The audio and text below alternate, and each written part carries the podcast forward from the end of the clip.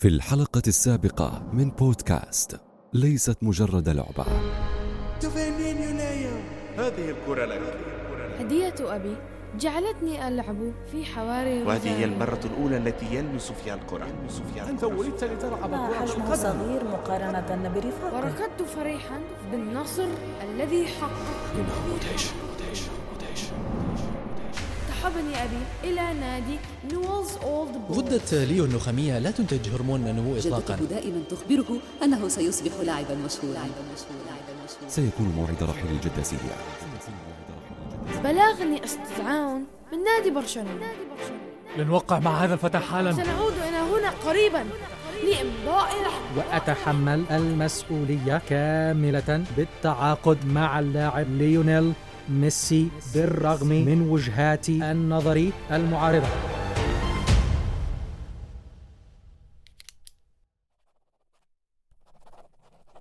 في تقرير لكارلوس ريكساش وصف مدرب نادي برشلونة السابق ميسي باللاعب الخارق. في الثامن عشر من كانون الثاني يناير عام 2001 جرى التوصل إلى اتفاق نهائي في مطعم فينيتو في برشلونة بين خوان لاكويفا مدير الكرة في النادي ومنسق أكاديمية الشباب خواكيم ريفيه. تفاصيل العقد سترسل في رسالة. سبعة ملايين بيزيتا أي ما يعادل أربعين ألف دولار سيحصل عليها والد ميسي وسيمنح البطل الخارق منحة دراسية. رسالة ستكون كافية لكي تحزم عائلة ليونيل أمتعتها لتحط بهم الرحال فيما بعد بكتالونيا في الخامس عشر من شباط فبراير عام 2001 برودة الشتاء في برشلونة لن تكون أقسى ما سيعاني منها الفتى الصغير لا سيما في الشهور الأولى من انضمامه للبارسا لأن الأمور لن تجري على أفضل حال. الاتحاد الكتالوني يمنحه رخصة مشروطة لمزاولة كرة القدم ليلعب مع فريق الأطفال مرتديا الرقم تسعة. نادي نيولز أولد بويز لا ينوي إتمام الصفقة كي يتمكن نادي برشلونة تسجيله لدى الاتحاد الإسباني. ليس هذا فحسب. إن انطلاقة الفتى الأرجنتيني مع فريق الأطفال ستبدأ بكسر في الساق اليسرى بعد تدخل عنيف من أحد مدافعي نادي تورتوسا وبعدها بأسبوع. كسر في اليد اليسرى. وبعد خمسة أشهر تقرر العائلة العودة إلى روزاريو ليبقى ليو ميسي مع والده في برشلونة. وسط كل هذه الهموم التي رافقت بداية ميسي الاحترافية أمل وحيد لاح في الأفق. ليو سيبدأ تقليل جرعة هرمون النمو تدريجيا لينمو بصورة طبيعية ويبدأ بعدها عصر جديد في كرة القدم. أنا فراس محمد بشير وهذا بودكاست ليست مجرد لعبة.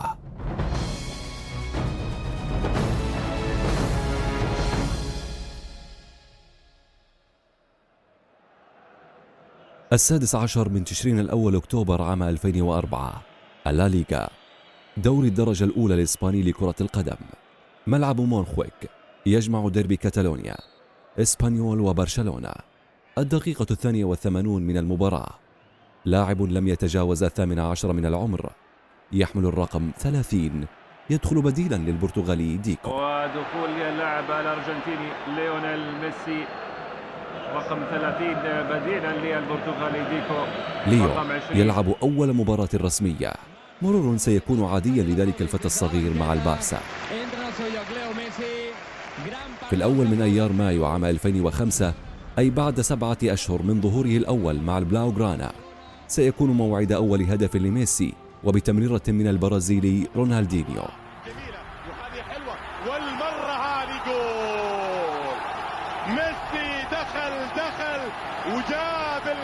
والذي. ستجمعه علاقة وطيدة مع الفتى الصغير. ومعها سيبدأ تحقيق أول لقب للاليغا لتتوالى بعدها الألقاب.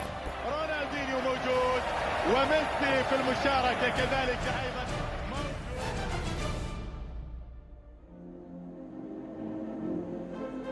سيكون ظهور ليو عام 2005 مع منتخب بلاده تحت سن العشرين عاما أمرا طبيعيا.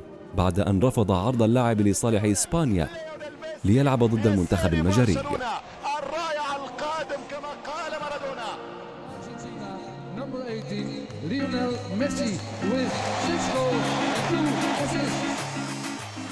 سيسطع نجم ميسي بعد بطولة كأس العالم للشباب في هولندا بعد فوز منتخب الأرجنتين في تلك البطولة بفضل ليو الذي حقق لقب أفضل لاعب وهداف البطولة بستة أهداف سنة واحدة فقط وسيكون ميسي بعدها في المنتخب الأول للا البسلستي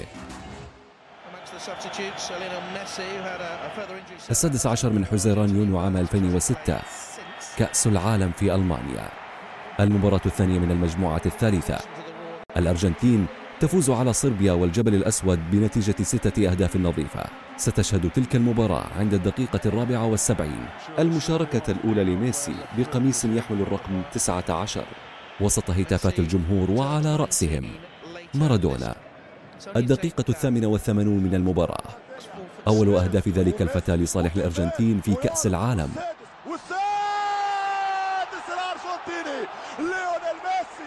لكن الكأس ذهب لإيطاليا. وفي عام 2010 يذهب لإسبانيا. وبعد أربع سنوات لألمانيا. ومن ثم فرنسا في مونديال 2018 بينما كان يخسر ميسي بطولات كأس العالم بطولة تلو الأخرى. كان يتوج بالألقاب مع فريقه برشلونة الإسباني خلال مشواره. الأمر الذي جعله في مهب سهام النقد الإعلامي والشعبي لا سيما من جماهير منتخب التانغو. الذين وصفوه بالمتخاذل. في مونديال 2022 سعى ميسي لإنهاء عقدة عدم التتويج بالألقاب مع الأرجنتين. في كأس العالم في قطر كانت كل الأخبار تشير إلى أنه المونديال الأخير لليو ميسي فهو يبلغ من العمر 35 عاماً. محبي نجم منتخب التانغو تفاجؤوا يوم أمس بخبر إعلان البرغوث عن ظهوره الأخير في بطولات كأس العالم. upcoming World Cup is that Lionel Messi has said there's some anxiety and nerves at the same time. It is كأس العالم فيفا قطر 2022 هي الأخيرة للأسطورة. فرص ليونيل ميسي في قيادة الأرجنتين للتتويج في قطر بمشاركته الأخيرة في كأس العالم.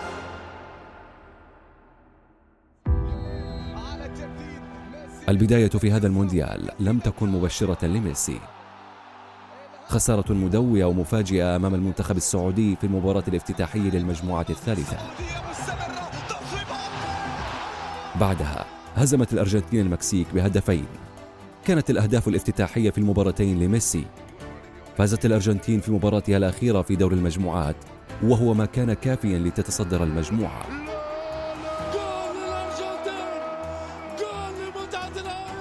وفي دور الستة عشر سجلت الأرجنتين هدفين في مرمى أستراليا أحدهما لميسي. تتأهل الأرجنتين بركلة الترجيح في ربع النهائي أمام هولندا لكي تصعد إلى دور نصف النهائي.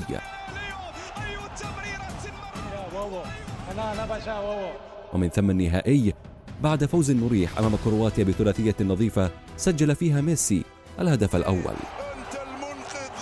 المباراة الختامية بين الأرجنتين وفرنسا. ستكون استثنائية بكل تفاصيلها. الأرجنتين تتقدم في الشوط الأول بهدفين وكالعادة أحدهما لميسي. فرنسا تتعادل في الشوط الثاني لتمتد المباراة لأشواط إضافية. ميسي يتقدم في الشوط الإضافي الأول. تتعادل فرنسا قبل نهاية الوقت الإضافي. ركلة الجزاء تحسم الأمر.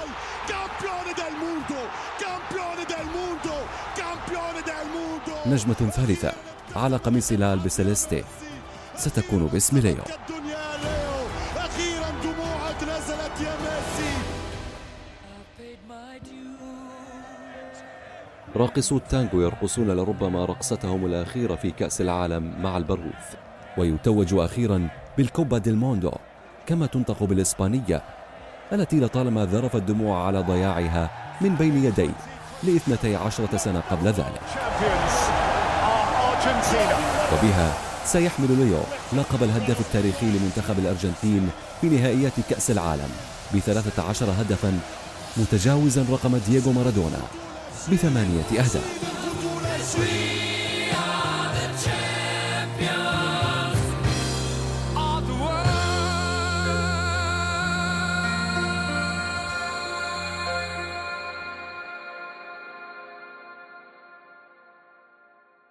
مارادونا وميسي رمز الكرة الأرجنتينية نقاط تقاطع والتقاء. رغم الجدل المستمر بشأن الأفضل بين مارادونا وميسي إلا أن أوجه التشابه تتقاطع بين رمزي الكرة. ففي نصف نهائي كأس ملك إسبانيا عام 2007 يحقق ميسي هدفا نسخة طبق الأصل من هدف لمارادونا. ميسي ينطلق من وسط الملعب كالصاروخ ليتجاوز ستة لاعبين ليسجل في مرمى ختافي لصالح برشلونة ذلك الهدف هو نسخة من هدف مارادونا في كأس العالم عام 86 هدف أبهر العالم ورسم ملامح مسيرته الكروية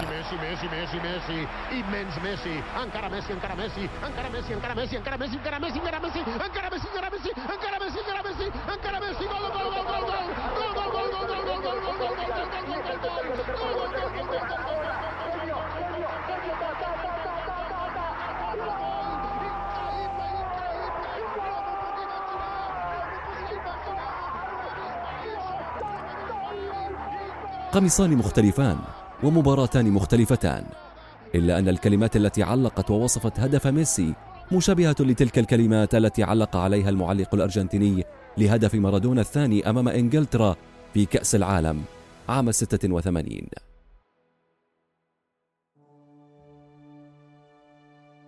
عام 2016 أي قبل رحيل مارادونا بأربع سنوات الأرجنتين تخسر لقب الكوبا أمريكا في النهائي الذي جمعها مع تشيلي بركلات الترجيح. دموع ميسي ستكون الحكاية في تلك المباراة.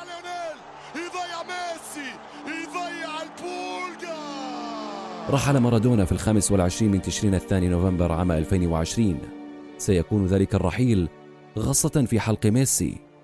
لكن بعد نحو ستة أشهر من رحيل أسطورة كرة القدم الأرجنتينية حقق ميسي أخيراً حلما لم يتمكن دييغو من تحقيقه. الكوبا أمريكا على الأراضي البرازيلية وأمام البرازيل.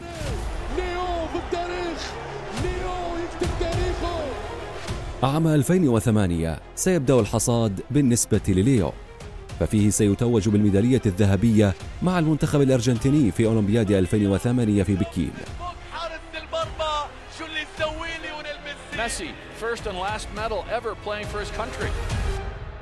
وفي عام 2009 ميسي أخيرا في نهائي بطولة دوري أبطال أوروبا. حتى ولو أنه توج عام 2006 مع البارسا إلا أنه لم يشارك في تلك المباراة. لكن السابع والعشرين من أيار مايو عام 2009 في نهائي Champions League في ملعب روما الأولمبي وبمواجهة المان يونايتد. مشهد واحد.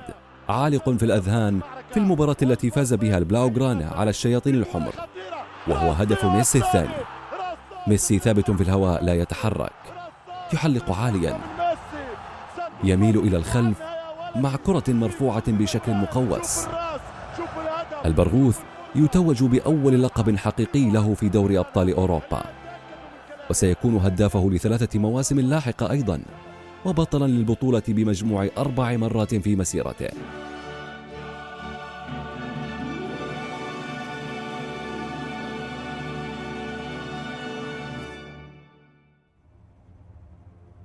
ابتداء من عام 2009 سيتربع ليو على عرش الكرة الذهبية كأفضل لاعب في العالم ثلاث مرات متتالية ليعود إلى حمل هذا اللقب في أعوام 2015 و2019 و2021 Ladies and gentlemen, el guanyador de la FIFA Pilota d'Or, el ganador del Balón de Oro, Lionel Messi. Now the FIFA Ballon d'Or 2011 is Lionel Messi. Ballon d'Or 2015 goes to Lionel Ballon d'Or France Football 2019 Mr. Lionel Messi. سبع مرات والثامنة تبدو في طريقها إلى خزائنه كأكثر لاعب على الإطلاق يتوج بهذه الجائزة. لا تتوقف إنجازات ميسي عند هذا اللقب فقط إنما نال لقب هداف الدوري الإسباني سبع مرات. وميسي بحسب موسوعة جينيس للأرقام القياسية هو صاحب أكبر عدد من الأهداف في سنة تقويمية واحدة. وذلك عندما سجل 91 هدفا في عام 2012 واللاعب الوحيد في العالم الذي سجل في 19 مباراة متتالية بمسابقة الدوري.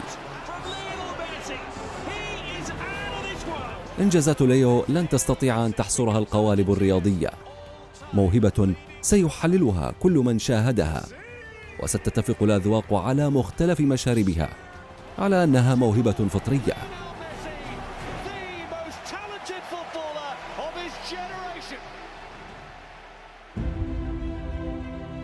فلبيب غوارديولا الفيلسوف في كرة القدم. يمثل له ميسي كل شيء. Messi number 9 number 10 number 11 number 7 number 6 number 5 number 4 أما مارادونا فقد اعتبره خليفته El que vio fútbol de hace mucho tiempo y yo tengo cumplido 56 años. وأليكس فيرغسون مدرب مانشستر يونايتد السابق رفعه إلى مرتبة مارادونا وبيليه.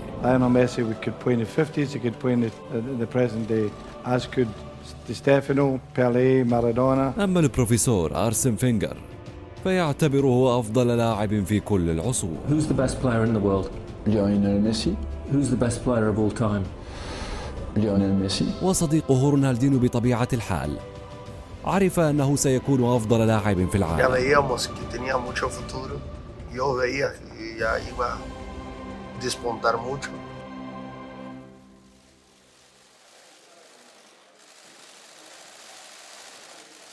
الثامن من آب أغسطس عام 2021 أي بعد شهر من تتويج ليو والأرجنتين بلقب كوبا أمريكا. بالدموع النجم الأرجنتيني ليونيل ميسي يلقي خطاب الوداع لجماهير برشلونة. الديون والحاجة إلى الامتثال لحد أقصى صارم لرواتب الدوري الإسباني أجبرت ميسي على مغادرة برشلونة من الباب الضيق.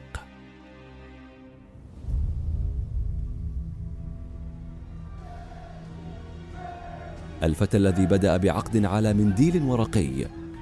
فعل كل شيء ممكن للبقاء مع البلاو جرانا. لكن كانت هذه النهاية.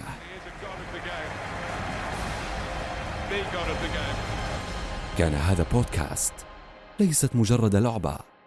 وأنا فراس محمد بشير.